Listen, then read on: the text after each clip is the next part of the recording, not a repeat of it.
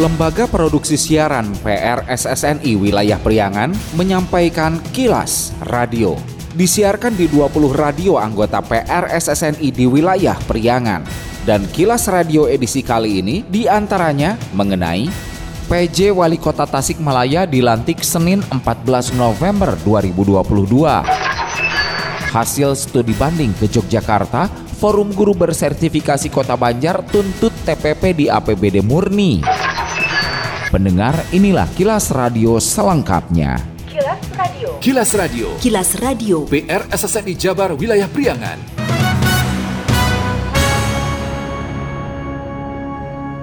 CK Virgowansah yang saat ini menjabat Direktur Fasilitasi Kelembagaan dan Kepegawaian Perangkat Daerah Direktorat Jenderal Otonomi Daerah Kementerian Dalam Negeri disebut-sebut akan dilantik menjadi pejabat sementara PJ Wali Kota Tasikmalaya Senin 14 November. Kabar yang dilengkapi dengan surat itu beredar di grup-grup WA di Tasikmalaya juga menyebut sesuai dengan yang tertera dalam surat rencananya Gubernur Jabar Ridwan Kamil akan melantik CK di Gedung Sate Bandung. Wali Kota Tasikmalaya Muhammad Muhammad Yusuf membenarkan pelantikan PJ Wali Kota Tasikmalaya akan dilangsungkan di Gedung Sate Senin 14 November. Ya menyampaikan pesan dari Gubernur, PJ akan dilantik hari Senin. Siapa pun yang datang ke sini, tolong diterima dengan baik. Dan itu adalah pelaksana tugas. Menurut beliau, pelaksana tugas itu akan mendapatkan evaluasi setiap tiga bulan, enam bulan, satu tahun. Setelah satu tahun akan dievaluasi lagi oleh gubernur dengan pimpinan yang dilakukan. Itu yang dilakukan.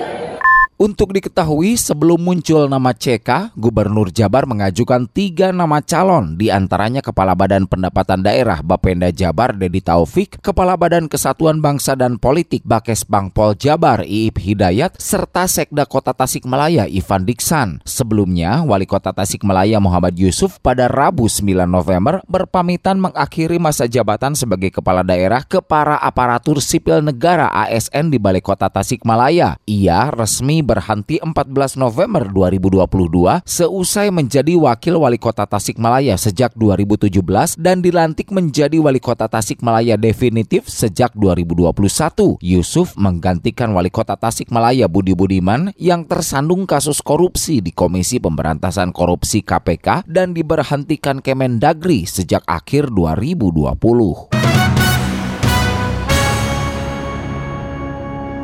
Pasca studi banding ke pemerintah kota Yogyakarta, sejumlah perwakilan forum guru bersertifikasi di kota Banjar menuntut mendapatkan tambahan penghasilan pegawai TPP dari Pemkot Banjar. Koordinator forum guru sertifikasi kota Banjar, Eko Herdiansyah berharap Pemkot segera merealisasikan anggaran untuk TPP para guru bersertifikasi kendati kebijakan umum anggaran KUA dan prioritas plafon anggaran sementara PPAS untuk APBD murni 2023 telah ditetapkan Menurut Eko, secara regulasi selama ini tak ada masalah, berarti bisa ditetapkan juga di Kota Banjar. Ditegaskan, Forum Guru Sertifikasi menuntut Pemkot Banjar untuk menganggarkan TPP dalam APBD murni, bukan dalam anggaran perubahan. Kami berharap TPP ini kembali dianggarkan karena program TPP di Kota Banjar kan juga belum dihilangkan. Artinya di meskipun kuah PPAS sudah ditetapkan, itu kan nomenklaturnya juga masih ada. Tinggal geser-geser angka saja gitu. Jangan menunggu APBD perubahan. Jadi tetap uh, menuntut supaya bisa direalisasikan di anggaran apa, murni. murni. Iya, ya tetap menutup di APBD murni gitu. Jangan sampai di APBD perubahan yang APBD perubahan kan itu sisa. Kalau ada sisa, kalau tidak ada ya pasti akan hilang lagi gitu.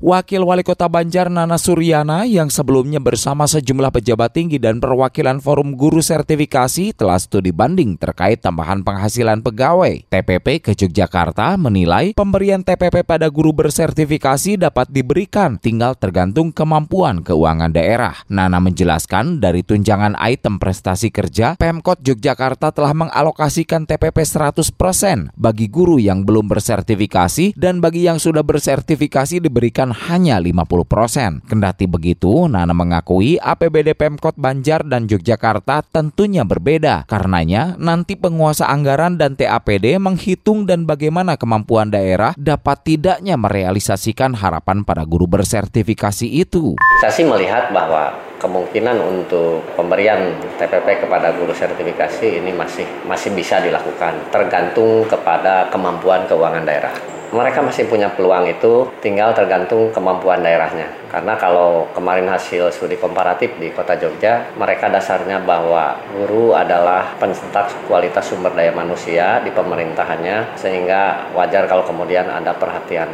yang khusus bagi mereka. Cuma di sana ada pengecualian. Yang tidak sertifikasi itu 100% TPP-nya. Yang sertifikasi hanya diberikan 50%. Itu juga dari tunjangan yang item prestasi kerja. Kilas Radio. Kilas Radio. Kilas Radio. PR SSNI Jabar Wilayah Priangan. Bila Anda mendapatkan hal-hal atau peristiwa penting untuk diliput oleh tim Kilas Radio, hubungi hotline servis kami, SMS atau WA ke nomor 0813 2424 5911 0813 2424 5911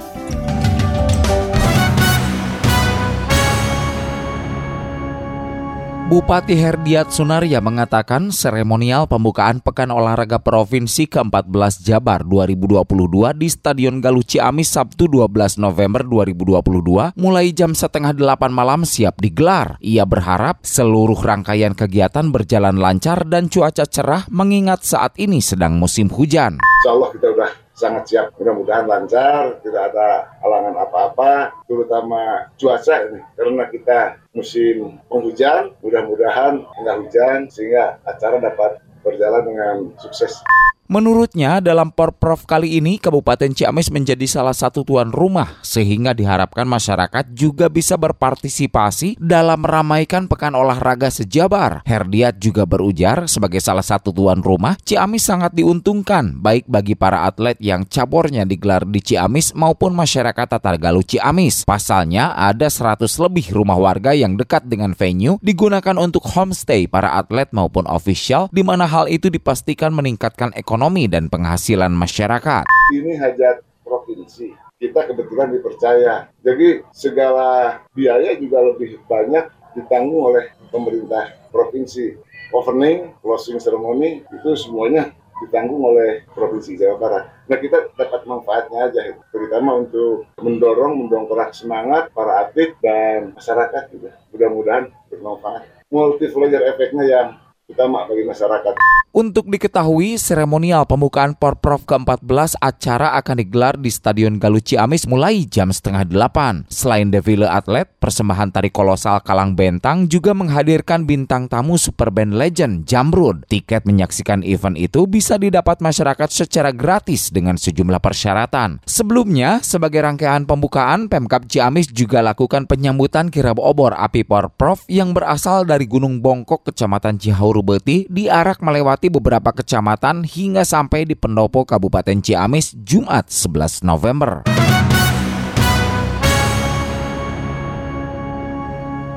Kontingen olahraga Kabupaten Pangandaran optimis bisa perbaiki prestasi dan pemeringkatan serta raihan medali dalam Pekan Olahraga Provinsi ke-14 Jabar 2022 dari kegiatan yang sebelumnya pada 2018 silam. Ketua Umum Komite Olahraga Nasional Indonesia KONI Kabupaten Pangandaran Agus Mulyana kepada PRSSNI Jabar Sabtu 12 November menjelaskan sesuai dengan target pihaknya perbaiki peringkat Porprov di Bogor sebelumnya dengan raihan medali menurutnya hingga Sabtu pagi, Pangandaran sudah mendapatkan tiga emas, satu perak, dan dua perunggu. Ia berharap semua cabang olahraga yang masih bertanding yang diikuti Kabupaten Pangandaran bisa menghasilkan medali sehingga bisa mendongkrak pemeringkatan. Sesuai dengan targetnya, kita memperbaiki peringkat dari Porprov 2018 di Bogor dengan raihan dua emas dulu. Sampai hari ini kita sudah mendapatkan tiga emas, satu perak, dan dua perunggu. Satu emas dari Dayung, satu perak dari OWS juga dan perunggu dari dayung dan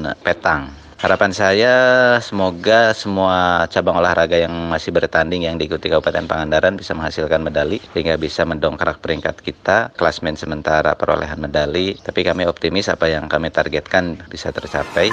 Kilas Radio. Kilas Radio. Kilas Radio. PR SSNI Jabar Wilayah Priangan. Sekian Kilas Radio. Saya Dido Nurdani beserta tim Kilas Radio Priangan. Salam PRSSNI. Kilas, Kilas. Radio.